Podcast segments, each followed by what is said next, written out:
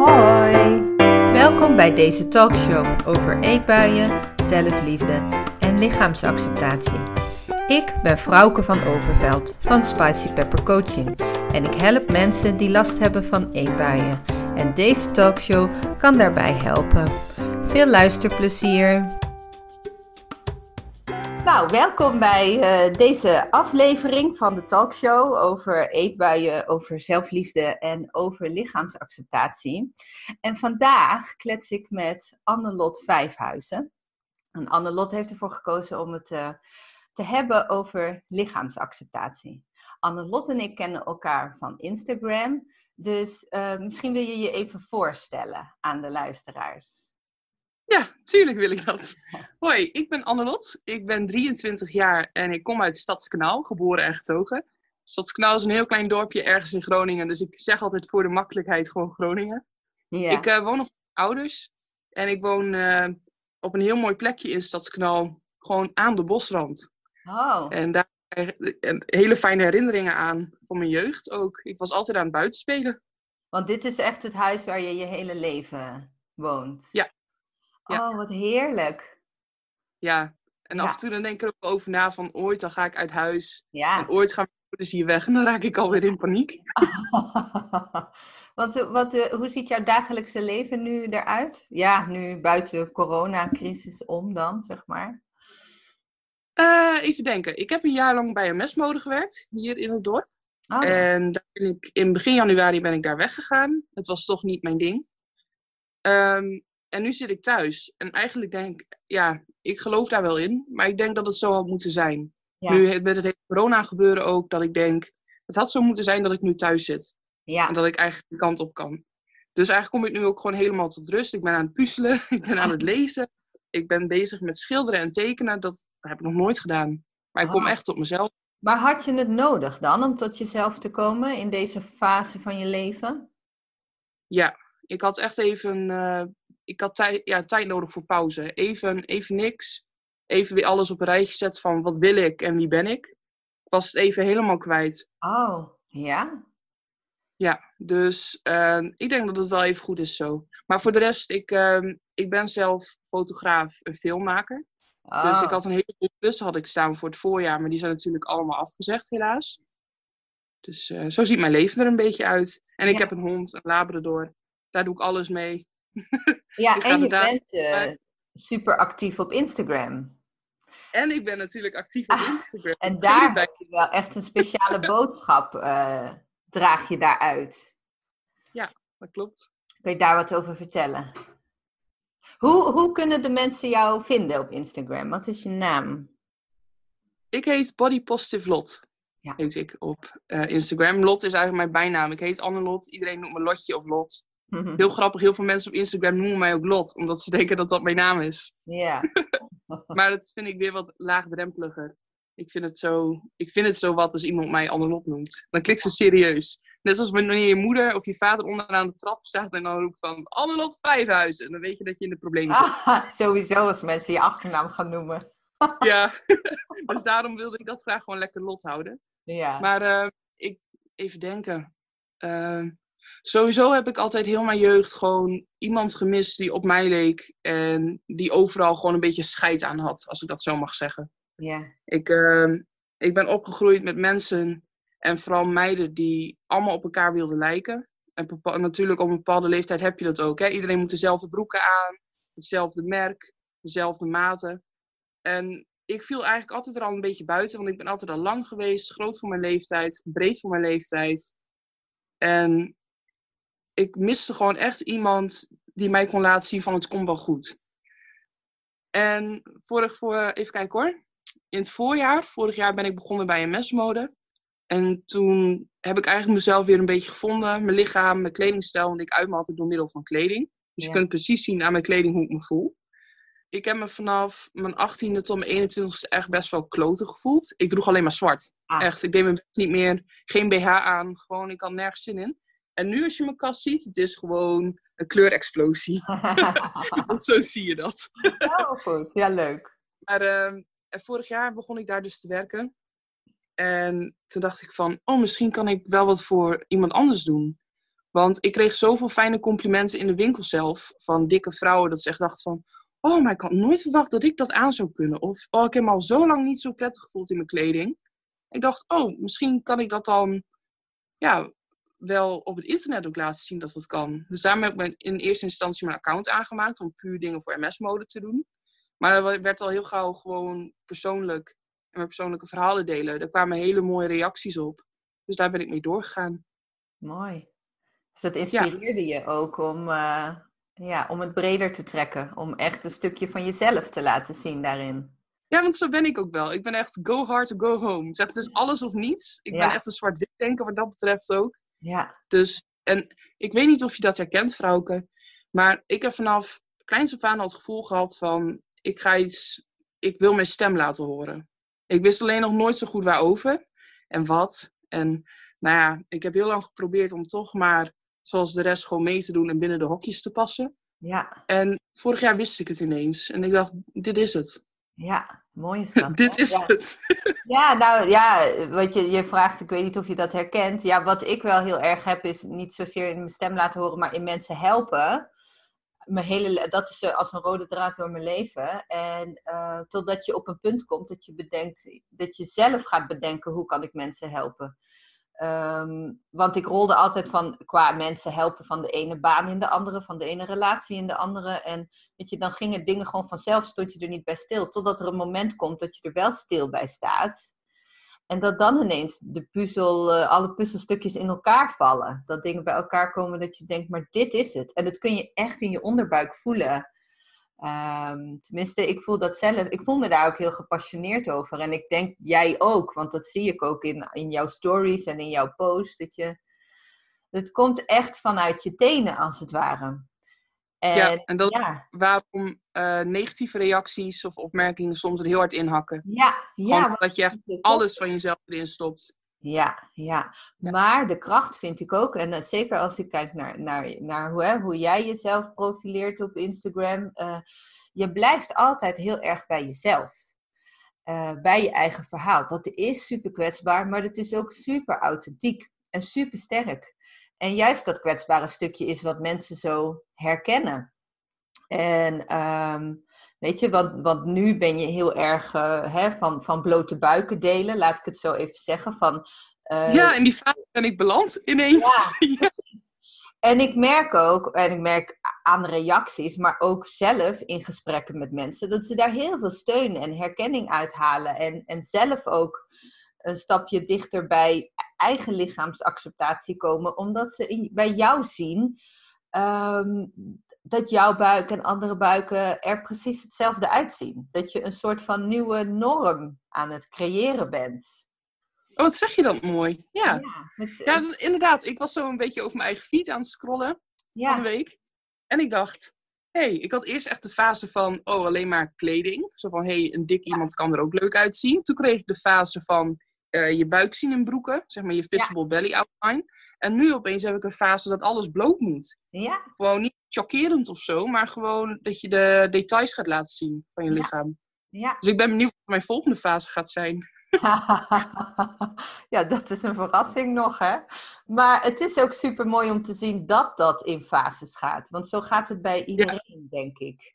En eh, als je kijkt naar jouw lijn, inderdaad, wat je zegt, eerst alleen kleding, dan, uh, uh, hoe noem je dat? Visible belly outline. Ja, dat is voor mij de fase Mooie termen. ik nu in zit, inderdaad. En uh, ik denk soms ook wel na, hoor. Ja, jeetje, moet ik, moet ik nou ook met mijn blote buik op Instagram? Maar nee hoor. Nee, precies. Maar dat is mijn eigen beperkende overtuiging, zeg maar, die, die mezelf dan meer neerzet ten opzichte van anderen. Hè? Want, want het gaat over ja, body positive beweging en, en um, weet je, daar wil je ook dan graag een bijdrage aan leveren. En iedereen doet dat natuurlijk op zijn eigen manier. Maar het maakt voor mij persoonlijk wel dat, dat ik me daar soms mee vergelijk. Dat ik denk, oh, maar die zijn al zo ver. Moet ik dat dan ook doen of niet? En uiteindelijk in mijn eigen discussie in mijn hoofd word ik wel weer teruggeworpen naar blijf gewoon dicht bij jezelf. Ja. Uh, en weet je, voor iedereen, zit, ja. voor iedereen ziet het proces er anders uit van lichaamsacceptatie. En iedereen op zijn eigen tempo ook. Ja, ja, ja.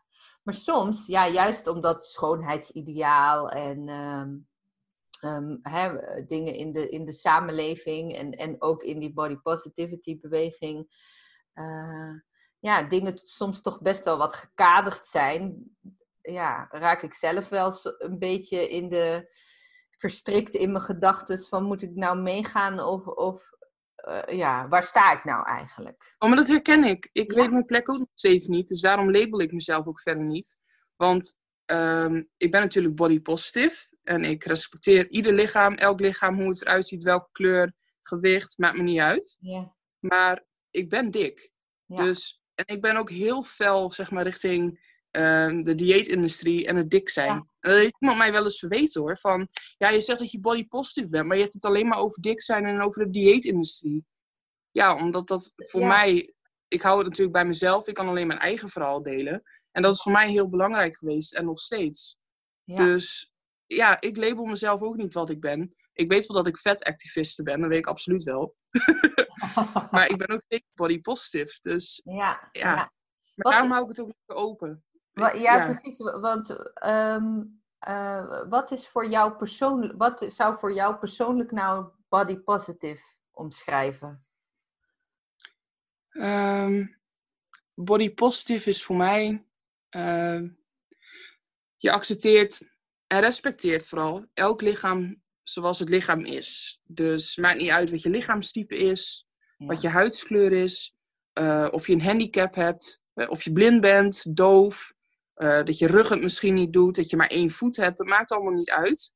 Ik vind gewoon, voor mij is gewoon dat elk lichaam gewoon recht heeft op ja, dat stukje privilege van de maatschappij. Dus dat je overal mee kan komen en alles mee mag doen. Ja, Dus dat je niet, als je, naar, als je dik bent en je gaat naar een terras, dat je 9 van de 10 keer niet in een stoeltje past met de leuningen. ja.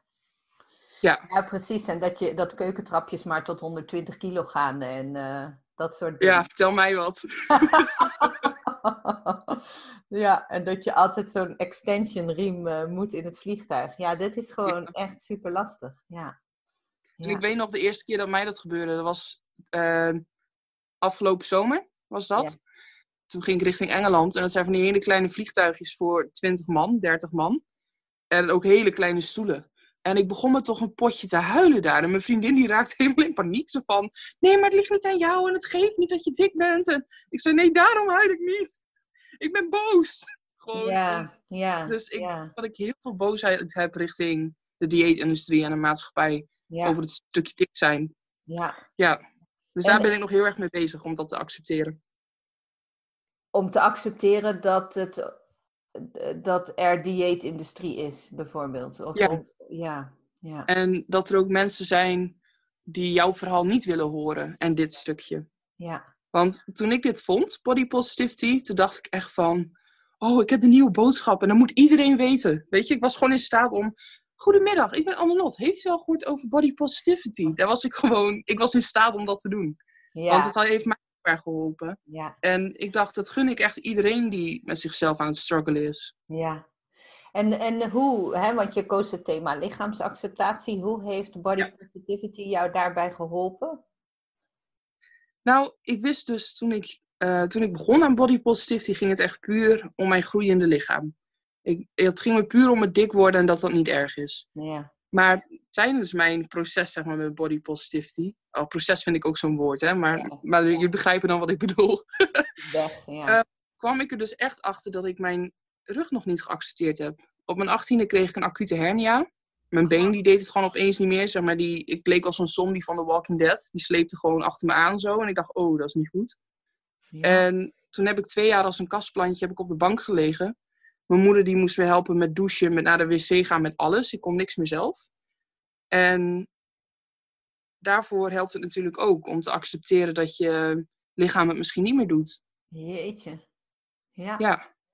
ja, En toen ben ik ook doorgeslagen in mijn hele, ja, ik noem het liever een eetverslaving dan eh, een eetstoornis. ja. Want verslaving, het is puur eh, het controle willen hebben over. Dus dat heb je ook met allerlei andere verslavingen, met roken, met drinken, met alles.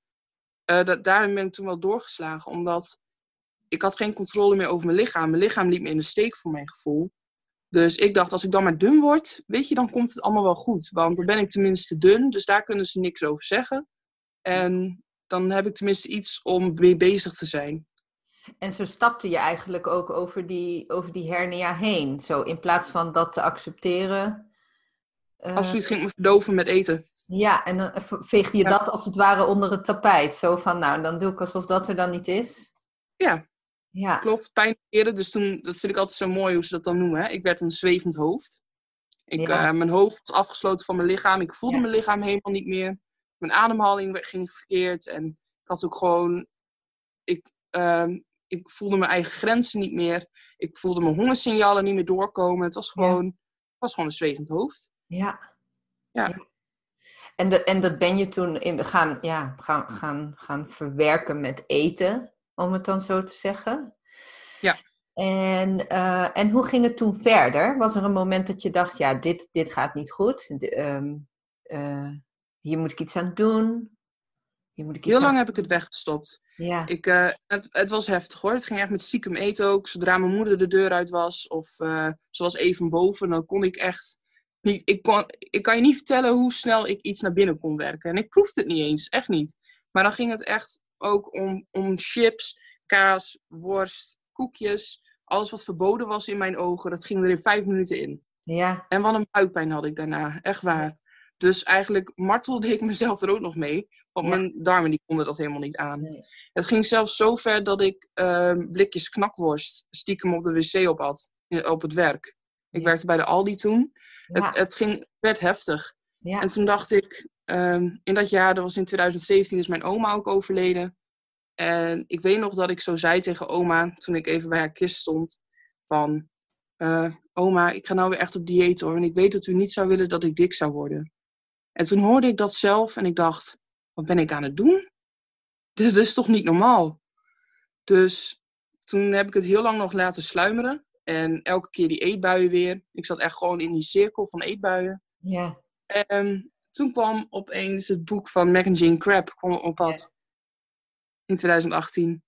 De en het was Power. Ja, en ik dacht echt, ik sloeg hem open en je hoorde echt zo'n ah, geluidje. Ik dacht, oh, dat is mijn Bijbel. Engelengezang, ja. ja.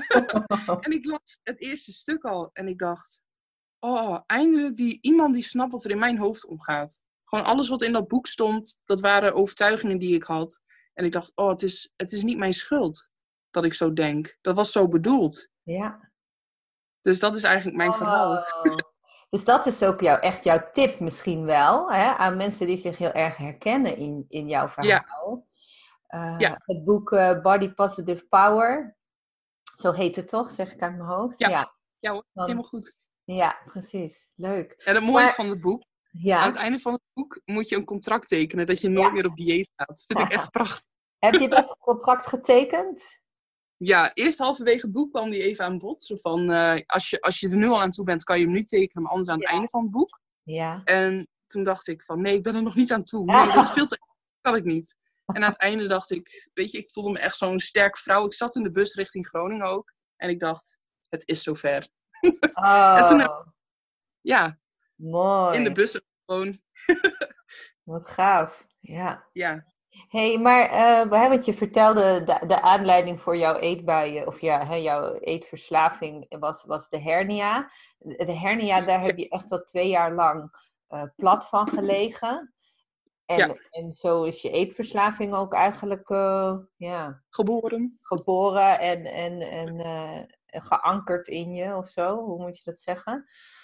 Uh, want, want hoe ben je dan uit die hernia? Ben je daaraan geopereerd en hoe is dat dan gegaan? Eigenlijk is het best wel rot gegaan. ik was natuurlijk 18. Ik was net klaar met een eiwitdieet en ik was 35 kilo afgevallen. Dus ik was vooral heel boos op mijn lichaam ook van, huh, maar dan ben je eindelijk dun en dan krijg je nu een hernia. Weet je, als je dit bent, begrijp ik het. Maar nu, weet je wel zo. Ja. Um, toen ging ik naar het ziekenhuis en ik had een neuroloog. En die behandelde mij gewoon als een vervelende puber met aandachtsproblemen. Echt van, ah nee hoor, je staat veel te snel op voor iemand met een hernia. Dat is echt niet zo hoor. Dus toen ben ik door de hele molen heen gegaan van MRI-scan, van onderzoeken.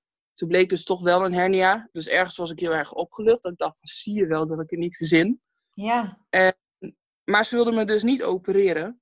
Want ik was en heel jong. Want dat is ook echt altijd wat ik hoorde van... Oh, maar zo jong en nu al een hernia. Ja. En tegenwoordig, eh, als je je poep en je plas nog kunt ophouden... Dus als je nog controle hebt beneden... Dan willen ze je niet opereren omdat het risico groot is dat het niet helpt. Of dat het erger wordt. Oh. Dus ze wilden voor een natuurlijke genezing gaan. Wel met pijnbestrijding hoor. Dus om de Ja. paar maanden moest ik eh, naar de pijnpolie. En dan kreeg ik een prik gewoon midden in mijn zenuw. Oh. Ja, als ik daaraan denk, ik, eh, ik heb het nog niet helemaal geaccepteerd. Want weet je, als je erin zit, in die hele molen, dan je ondergaat het allemaal. Weet je, Ja. je denkt, het is niet anders, het moet. Maar nu ik alles weer een beetje tot rust komt in mijn leven, nu komt de klap pas. Ja, en daarom zei je ook aan het begin van, van, deze, van ons gesprek dat het voor jou inderdaad nu een hele belangrijke periode is om tot rust eh, te komen. Dat heeft eigenlijk hier ook mee te maken. Absoluut. Oh, ja.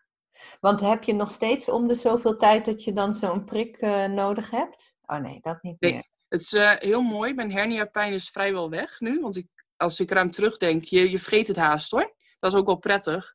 Maar ik had echt elke dag gewoon echt hele erge pijn. Zeg maar, als ik een keer ging douchen, dan moest ik drie dagen voor inleveren. Gewoon met bank liggen. Ja. Ja, dus, eh, maar nu eh, heb ik alleen op slechte momenten heb ik echt last van mijn rug. En dan met name uitstraling naar mijn been. Mijn rechterbeen die voelt al gewoon doof. Ja. Gewoon, hij staat niet, hij doet gewoon echt zeer en is doof. Maar dat heb ik alleen bijvoorbeeld als ik heel veel stress heb of als ik het druk heb gehad. Of, het is altijd een reactie van. ja, Het gaat altijd naar terug. ja. En het Ja. Is, dat is wel te herleiden uit die hernia bijvoorbeeld. Dat is gewoon een kwetsbaar punt in je lijf, ja. Ja, precies. Ja, ja. Maar je zei net ook dat, dat je eigenlijk nu pas een beetje toekomt aan de verwerking ervan. Ja. Hoe kun je, kun je dat eens uitleggen? Hoe, hoe zit dat dan? Het ziet er natuurlijk voor iedereen anders uit, denk ik. Maar voor mij is het gewoon. ehm, op het moment is het heel veel terugdenken aan. Ja, En dan is het niet bedoeld als blijven hangen in het verleden, maar meer van. Oh ja, maar als ik het dan bekijk met hoe ik het nu doe en hoe het toen ging, dan ja, gaat, het, gaat het goed weer met me. Dan volgens mij pak ik het allemaal weer een beetje op. ja, En gewoon mijn gevoel laten zijn. ja, Dus af en toe word ik even heel boos of heel verdrietig. Boos zijn heb ik heel lang niet kunnen zijn. En op het moment ben ik heel erg boos, want die emotie heb ik gewoon opnieuw uitgevonden of zo. Ja, Want ik voelde me altijd een beetje schuldig als ik boos werd. Ik vond dat een soort van een teken van zwakte. Terwijl het juist gewoon ook maar een emotie is. Dus ja, het zegt eigenlijk helemaal niks. ja, Maar ik- ja, voor mij, mijn hernia verwerken ziet er echt zo uit. Gewoon mijn gevoel te laten zijn. ehm, en neutraal worden erover. Kijk, ik heb, ik heb vaak rugpijn. En ik kan een aantal dingen niet om mijn rug. Maar ik probeer meer het om te denken naar wat ik wel kan. Inmiddels. ja, En hoe ouder je wordt, hoe meer je erachter komt dat andere mensen ook gewoon shit hebben. ja.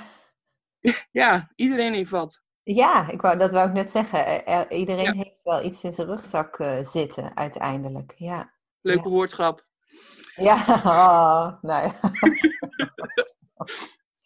Maar ehm, ja, ik kan, nou weet je, ik kan me ook zo voor. Ik heb nog nooit een hernia gehad, dus ik heb natuurlijk geen idee hoe dat voelt en hoe je dat beleeft. Maar ik kan me wel een beetje voorstellen dat dat ook gewoon wel een traumatische ervaring is.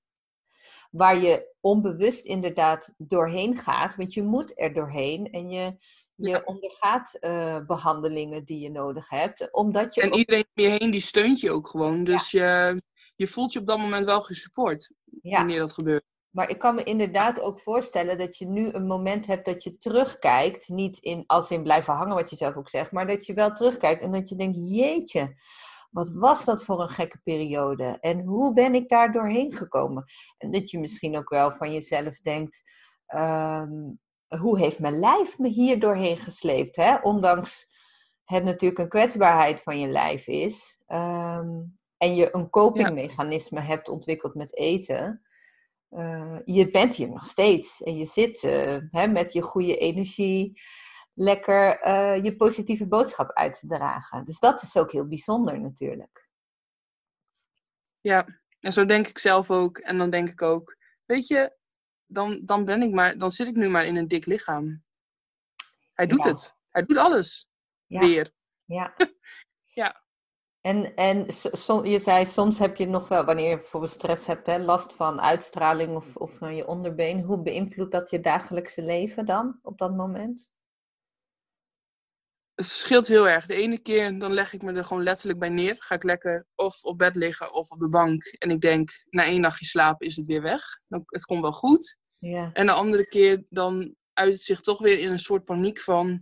Oh, maar wat als, als het weer allemaal opnieuw gaat gebeuren? Wat als ik weer een hernia krijg? Of wat als... Gewoon eigenlijk hetzelfde wat je hebt vlak voor een... eh, een voordat je iets gaat herbeleven. Hè? Zeg maar, dat je een paniekaanval krijgt en dat je een traumatische ervaring opnieuw gaat Ja, beleven. Zeg maar, dat heb ik ook wel eens. ja. Die angst om Dus weer ik- terug Ja. Maar dan, dan denk ik ook van mijn angst is vaak groter dan wanneer het daadwerkelijk zou gebeuren. Ja, de- oh, je kunt op dat moment ook je realiseren dat dat een angst is.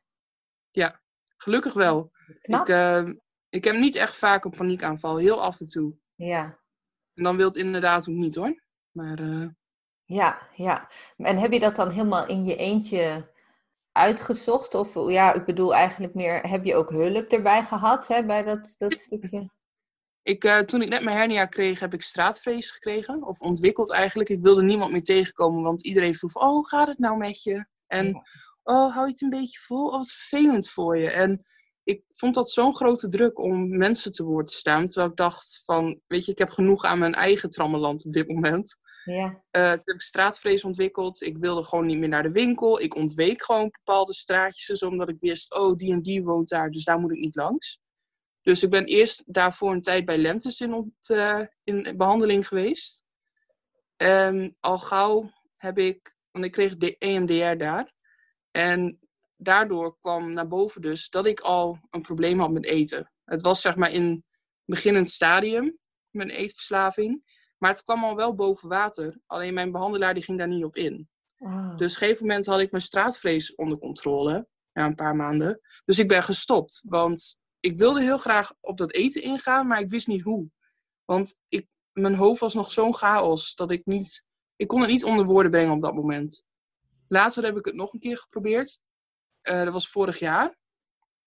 En toen hadden ze me ook echt op de... Bij Lentes ook. Op de... eh, hoe zeg je dat? Eetbuienafdeling. Of eetstoornisafdeling. Alleen ze hebben dat toen best wel onhandig aangepakt. Want zonder overleg heeft ze een tweede behandelaar erbij gepakt. Eh, wat ik net in vertrouwen, zo'n tien minuten geleden in vertrouwen aan haar had verteld. Dat had ze aan haar collega verteld zonder mijn toestemming. Dus ik was eigenlijk al best wel gepikeerd daardoor. Dus ik heb het afgeblazen. Gewoon helemaal niet gedaan. En toen kwam ineens haptonomie op mijn pad. En daar ben ik een jaar in behandeling geweest. En nu voelen mijn hoofd en mijn lichaam weer als één. Ik voel mijn grens aan. Ik, eh, ik durf ja, mijn gevoel toe te laten nu. Want door al het wegstoppen word je zo moe. En zo, ja, leeg eigenlijk. ja. Oh, haptonomie dus.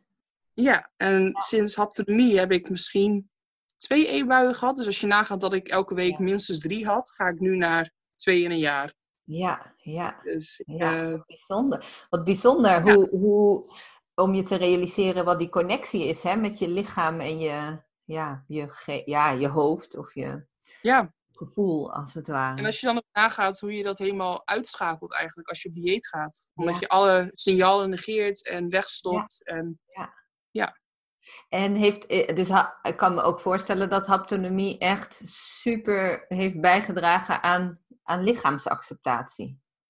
ja, absoluut. Ja. Want ze heeft, ik heb heel veel behandelingen gehad bij haar dat ze mijn lichaam ging voelen. En dan gewoon eh, over mijn benen heen. Maar, Ja. Vooral mijn rechterbeen is heel gevoelig, ook omdat hij eh, doof is, gedeeltelijk. En over mijn rug, en over mijn buik, over mijn armen.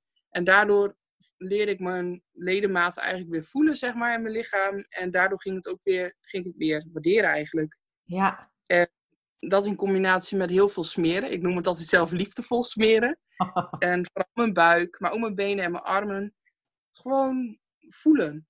En als je dat leert doen zonder eh, te oordelen, dus echt alleen maar voelen, puur voelen, dan voel je gewoon dat het zacht is, warm, dat het leeft. Dat is een heel Ja. gek gevoel als je door hebt van, wow, mijn arm die heeft gewoon, die doet wat.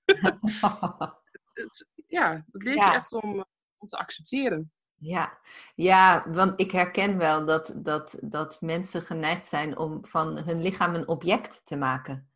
Inderdaad. En, en, en dat, dus een levenloos object. Iets wat maakbaar is ook. Terwijl het heeft ook zijn eigen willetje en... eh, Absoluut. ja, En je lichaam wil eigenlijk gewoon hetzelfde als jij. ja. Je wil graag eh, geliefd worden. worden, ja. ja. Ja. Hey, en op, op schaal van 1 tot 10, hè, als we het hebben over lichaamsacceptatie, en dat, of 0 tot 10. En 0 is echt het diepste waar je hebt gezeten. Misschien ook dat moment met die hernia en het eten of zo. Nou ja, Ja. dat weet je voor jezelf misschien het beste. Eh, en 10 is echt ehm, ehm, ja, de, de, de, de ideale, hoe het, hoe het in het ideaal is. Waar zou je nu ongeveer zijn? Oh, ik denk toch wel tussen de 7 en de 8. Ja, En daar ben ik hartstikke tevreden mee. ja dat is ook Ik goed. hoef, niet meer, eh, ik hoef niet meer te streven naar het perfecte plaatje. Want ik weet niet wat er morgen gaat gebeuren. Of over een paar jaar. Voor hetzelfde geld krijg ik weer iets raars om mijn dak. Je weet het niet. Ja, Dus ik ben heel erg blij dat mijn lichaam het nu doet. ja. En dat ik overal kan komen waar ik heen wil. Mijn lichaam die doet gewoon ontzettend veel voor me. Die werkt elke dag hard om alles op te starten en weer af te sluiten, om het zo te zeggen. En eh, dat vind ik genoeg. Mooi. Ja. Nou, ik, ik vond je verhaal heel inspirerend. En ik denk dat je eh, heel veel luisteraars ook eh, hebt kunnen inspireren. Is er nog iets wat je toe wil voegen, wat je nog, nog wil benoemen of wil vertellen, waar we het nog niet over hebben gehad? Ehm, Of zeg je nou, dit is denk ik wel het complete. nou, ik hoop gewoon eh, dat dit een beetje een samenhangend verhaal was. en niet te veel eh, de woordenkots noem ik dat altijd. Van blablabla. Weet je, ik wil zoveel vertellen en zoveel delen, maar je kan niet alles in één keer doen. Dus ja, mocht ik iemand eh, ja, geïnspireerd hebben of geraakt, of iemand die graag zijn of haar eigen verhaal wil delen hierdoor. Mijn inbox staat altijd open op Instagram. Ja, ja. Laat het eh, Body Positive Lot eh, gerust weten. Wat, je, wat, wat haar verhaal met jou gedaan heeft. Nou, ik wil je bedanken voor je openhartige gesprek. Ja, graag gedaan en bedankt voor het vragen. Was Ja. een eer. nou, leuk om te horen. Goed. Nou, we gaan eh, afsluiten. En eh, lieve luisteraars, tot eh, de volgende talkshow maar weer. Doei! Doei! Zo, dat was hem weer. Heb je er iets aan gehad? Laat het me weten door deze talkshow te liken en te delen, zodat meer mensen deze talkshow ook kunnen ontdekken.